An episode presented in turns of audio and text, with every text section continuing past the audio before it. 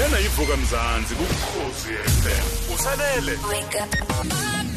26 minutes to 9 ngonomsakazo ukhozi Dr. Xoliswa Majola Dr. Xoliswa Majola Ngade uyilindile. Hayi asikhali sisixolisa la sikhali bani bani. uDr Xoliswa Majola isambile sethu namhlanje. Une uh, PhD kwi leadership uh, usethule amaphepha ahlukahlukene kuma conferences ahlukahlukene. Zenze njalo kuyifundiswa wesipho Yeah. eh thina sithi sihamba siye emcimbini hayi kunetiye lika gogo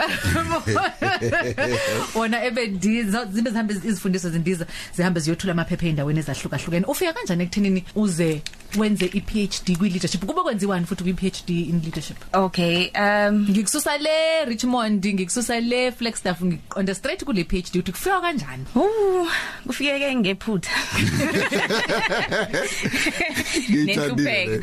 Nenhlupheko. Um i think i'm one person osabayo ukuhlupheka ngiyakusaba ukuhlupheka kakhulu.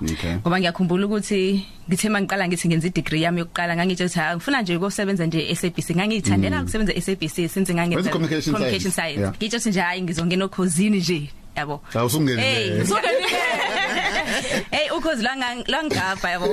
Ufuna umsebenzi ngancama. Kanti ngenhlanhla futhi ngiphase kahle then base bethi abanye ayiqhubeka wenze i honors. Yabo kwaloku uqhubeka yabo ukuthi unga- ungawuthola umsebenzi uthi usabathe usuhlele ekhaya apply umsebenzi ungawutholi. Kwakuthi ngithi hayi angifuni uvele ngihlale nje ngiyekele ngilahle ithemba bengiqhubeka. So ngigcine ngifika kanjalo ke na kwi PhD because ngize ngikhumbula ukuthi ngathi sengiqedile i honors sengithi hayi seng- sengiyayekela ke manje ukufunda. Angifuni umsebenzi. Umsebenzi ngangawuthola kanti izovele iqhamuka i scholarship sokwenza i masters. Ngayenza ke. So ngithe mangiqeda ukuyenza i i masters waphinda futhi umsebenzi wangatholakala. Kahle kahle o- angisho umsebenzi opermanent not Yeah, bengasebenzi. yeah. Bengisebenza kubuye ukuthi i contract iphele uphinde kuzohlala ekhaya uphinde isebenze i contract iphele. Then kuthe mase nalapho ke sesengihleli ekhaya ni masters yami kunjalo. Then kwaphinde kwazoqhamuka umsebenzi ke manje e UKZN. Kwathiwa sifuna ama South African academics.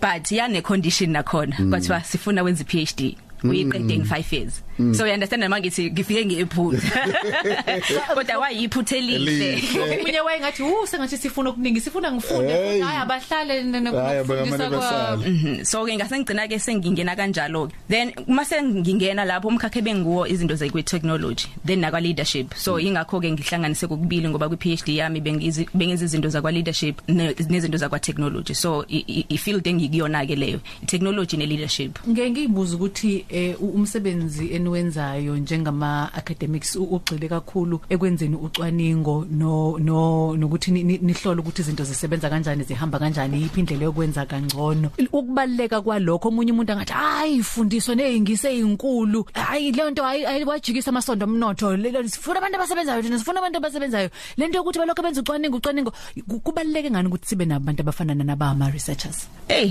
I think ikona kahle kahle kuwona umgogodlo wayo yonke impumelelo. Ezo nezo nemangathiwa yiliphi. Ngoba uzothi mazothi uyabheka izinto ziyashintsha, especially kwizinto ze technology like kulezi insuku. eSouth Africa kuyimanje sikhuluma ngokuthi siya kwi fourth industrial revolution. Ngapha eh, phe- emezweni aphesheya bazokutshela ukuthi sebeyela nga kwi fifth industrial revolution. Uyabona lapho ukuthi siyalidinga lolu cwaningo ukuze sikwazi ukuthi sikhipha up nomhlaba wonke. Ngoba egcineni kosuku asiphili sodwa, siphila nabanye abantu abakomunye umhlaba. And lolu cwaningo lolu asilenzeli thina imali.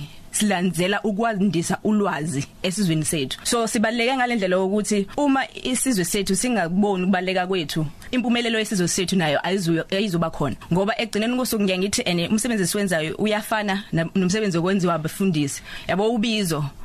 Yabo leyo umsebenzi leyo o- owazi ukuthi imali ayikho but uzowenza. Hayi ngoba uwenzelani wenzela ukuthuthukisa umphakathi ophila kuona so umsebenzi esiwenzayo ngiyangibuke kanjalo mina ngithi iwubizo lento ngendlela ethizeni ngoba sin- sina ama opportunities. Ungaphuma uyosebenza ngaphandle wenza imali ube yimillionaire ube yiyo yonke into but si, si choose ukuhlala kuma universities ngoba siyazi ukuthi ulwazi ilona into ezosisa phambili. And uma siqhubeka sicwaninga sizothola okusho okungakwazi ukuthuthukisa isizwe sethu futhi siye phambili. Egcineni kosuku asingaphileli siphilele manje ukuthi hayi manje sizosebenza sibe right nanani egcineni kosuku sizoshona sizoshiyana. So izinto ezinjenganalezi ukuthi efanele ke sizibhekisise kahle ukuthi uphilelani. Uphilela ukuthi uya exista manje uzoba nemali ube yimillionaire and then what? Yabo ngoba egcineni kosuku uzoshona. Yabo ngike ngibuke izinto esiyasizenza manje emphakathini um, in- esizweni sethu ukuthi si acknowledge amaqhawe Yeah. ase South Africa ukuthi siyasho ukuthi lo nyaka siwudedicate labane lo nyaka okabani lo nyaka okabani iquestion ehlezi ngizibuza ngayo ngizothi mase siqedile ukuthi siba dedicatele labo sizobe sesiba nobani abazolandela? abazobelandela. Phela kwese FM sekhona ke la sikhuluma ngendaba ukuthi imfundo iyadlisa. And sithe uma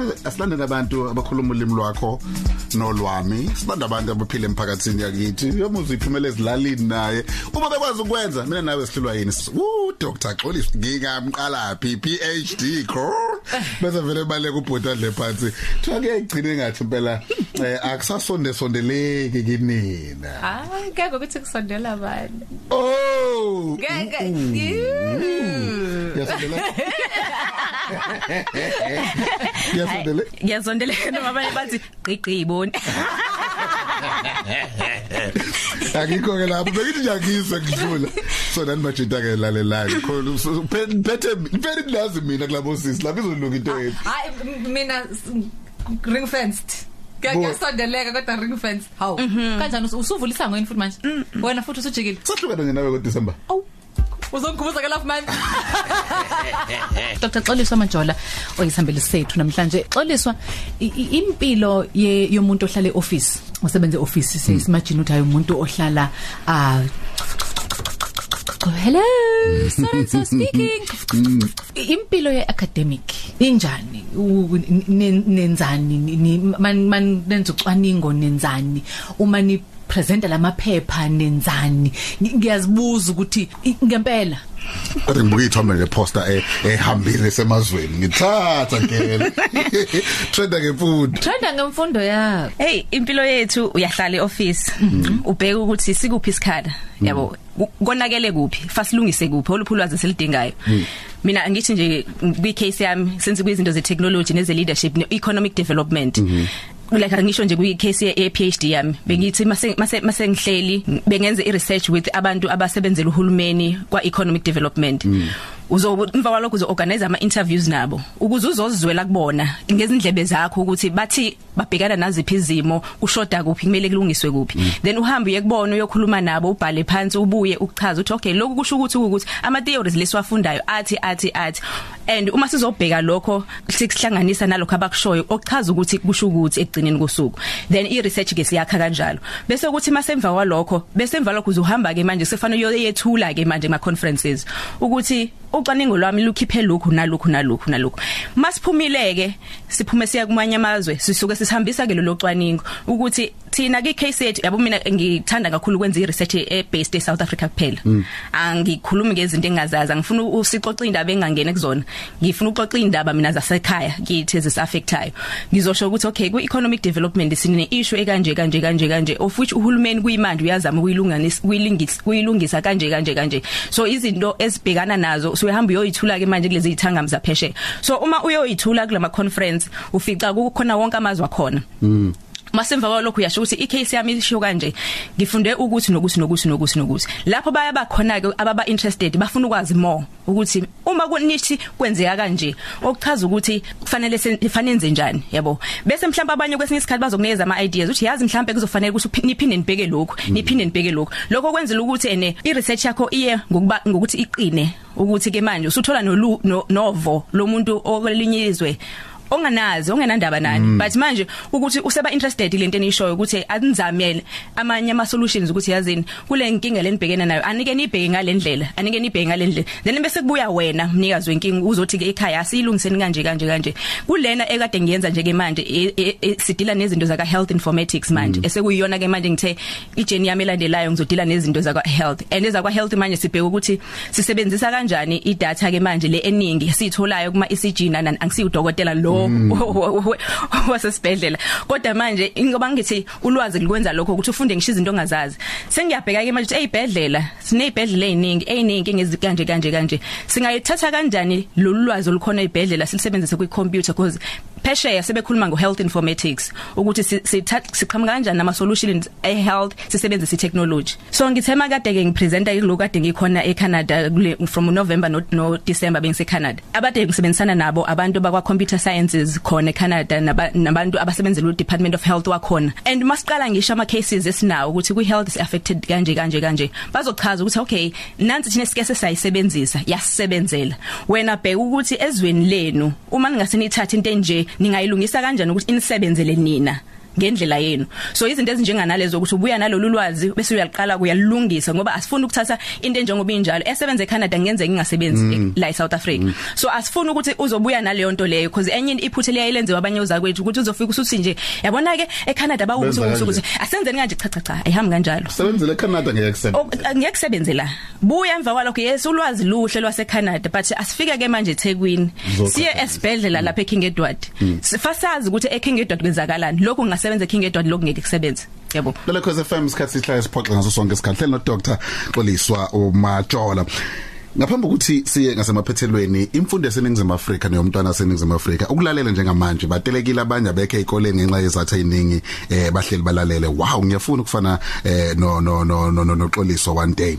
Kube khona umunye othi sihleli nabe emakhaya. Kade esho yena manje eh noncebo ethi ngafunda ngaqeda ngawuthola umsebenzi. Ngafunda ngaqeda. Athi umunye ngisayela afuna ukuyelana esikoleni because vele bahleli nama degrees abo bahleli nama diploma ne certificate nakho konke okukhona eh ngifuna nje ukufaka konke egcineni eh nakho kuyateleka makutelekiwe ke kuphele u2 weeks ngazange eqale ukufunda mhlawumbe kuphele inyanga njalo njalo. Uma uhlanganisa zonke lezi zinto lezi agcine ethi umunye umuntu ah yes kwakhona ukuyofunda ngifundele emazingeni emfundo ephakeme akuseyona into ein kakhulu. Sithi kukho trenda ngemfundo yakho. Ungathini umuntu odangele ngenxa yezinto eziningi ezenzakalayo eNingizimu Afrika kuyimfundo yomuntu omnyama? Ngingathi nje angeke kuhlale kunje. Izinto ziyashintsha.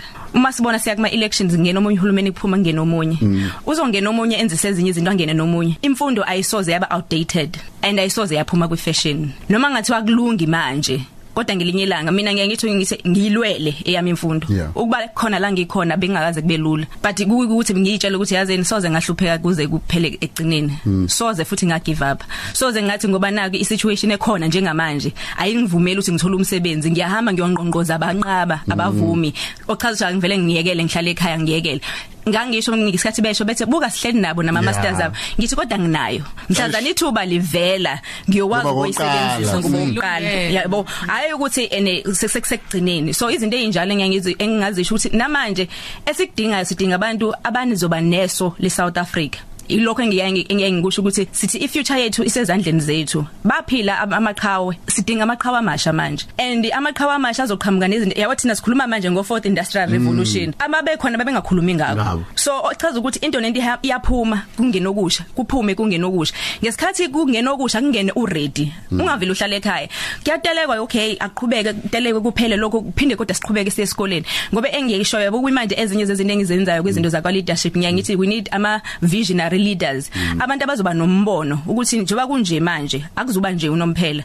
Ekusuka egcineni kosuku sizoqhubeka. iSouth Africa kumele ithuthuke. And ukuthuthuka kweSouth Africa akugxilile kubantu abangaphandle kusezandleni zethu. So uma kuyithina singazolunakekela izwe lethu sothi alinakekele ngubani and uma kuyithina sizothi asifuni ukuthi siyofunda sizokwazi ini emva kwalokho? Ngoba kuzogcina emva kwalokho silokhu sikhala ukuthi kunabantu abafika bazosiphuca amathuba. Ngoba yithina nathi asifuni ukuthi babethi mabefika sibe sisho ukuthi yazini nizokunisimele kancane. Sizoqala ngiyithakazelo manje sithi yabona ngoba sila ekhaya. Eh. asithi imkhize khabazela. Sisho yabo emva kwalokho siyazi ukuthi amathuba awethu and siwasebenzele. Sizokwazi ukuthi sithi masinikezwe ithuba selisebenzise ngendlela efanele sithuthukise umphakathi wethu baningi abantu abasalidinga usizo and baningi abantu abalidinga ithemba ukuthi kuyenzeka. Akukho lula kodwa kuyenzeka. Yayithi imfundo ya Jovana uthi usathi qhamuko konye mhm. sekuphelele kwena usilindelana hey ibade sekhona iphutha lenzekile eh ngifunda ngephutha. Iphutha lenzekile ngithe ngisalinda ama results. Eh, ame PhD athatha isikhathi eside ke ngoba nje ahamba nje ah, uzukhohlwa washo omunye u colleague wabo wathi "Ah, ngiyakwazi unavu usheshe ubhoreka uzongayazi ukuthi wenzani? Asami so register law ngathi ngizoyenzani law elife yakho? Wathi kuyimanje wena ubhizi kwi union emsebenzini so yabona nje ngizokusiza le law degree. Ngathi "Ah, okay asambeke ayi yabo mangifika nakhona kuyafunda kuyaphaseni ngiyabuza kuphasekela kanjani like yabo sengifuna ukuyekela mina but akusayeke but ke ak- ku- kungcono iphuthe limnandi ngoba at least ngelinye ilanga le le mfundo mina ngiyangisho imfundo ayibi outdated and imfundo ayipheli kwi fashion ngingangazi ukuthi lo ngizoyisebenzisa kuphi but ngiyayazi ukuthi izofitha lapha yana lapha yana lapha elifeini yami ngelinye ilanga. Ngithi mhlazane mangiqala ngithi ngithula i- u- u- u- inkulumo ebantwaneni ngibachazela ukuthi imfundo ngani yami ayipheli. Kuphela i- i- isikhathi ukuthi ushone. Yabona ke lapho kuma ushonile hayi sekuphelile konke. Kwakusho uJerry Elsden esawu Jerry Ranseli.